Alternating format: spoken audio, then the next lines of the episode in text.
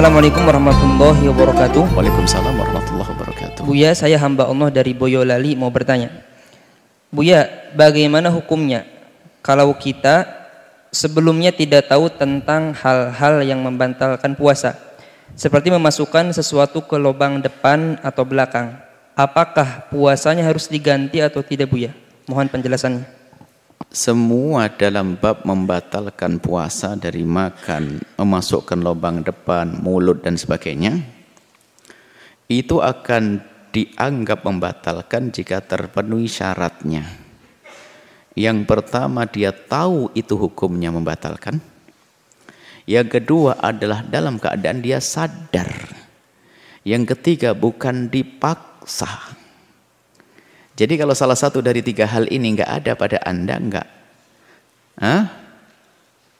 misalnya makan, anggap saja ini baru masuk Islam nggak ngerti.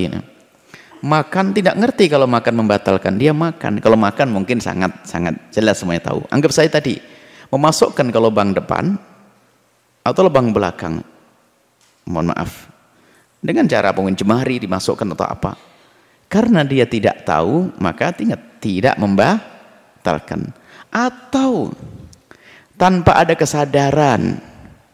Jangankan kok lubang depan, lubang belakang, ke mulut nggak sadar. Pagi-pagi habis sholat subuh makan satu piring, nggak sadar kalau ini membatal, nggak batal.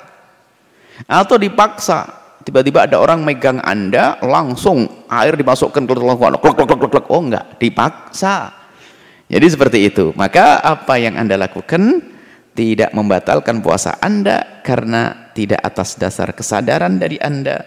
Kemudian juga karena Anda belum tahu hukumnya, maka itu dimaafkan. Tinggal setelah itu apa? Ayo belajar agar tahu mana yang membatalkan puasa dan mana yang tidak membatalkan puasa. Adapun yang Anda lakukan diampuni, tidak dosa bahkan. Allah Maha Kasih tetap akan jadi pahala. Tinggal ke depannya ayo kita waspada dan banyak belajar. Allah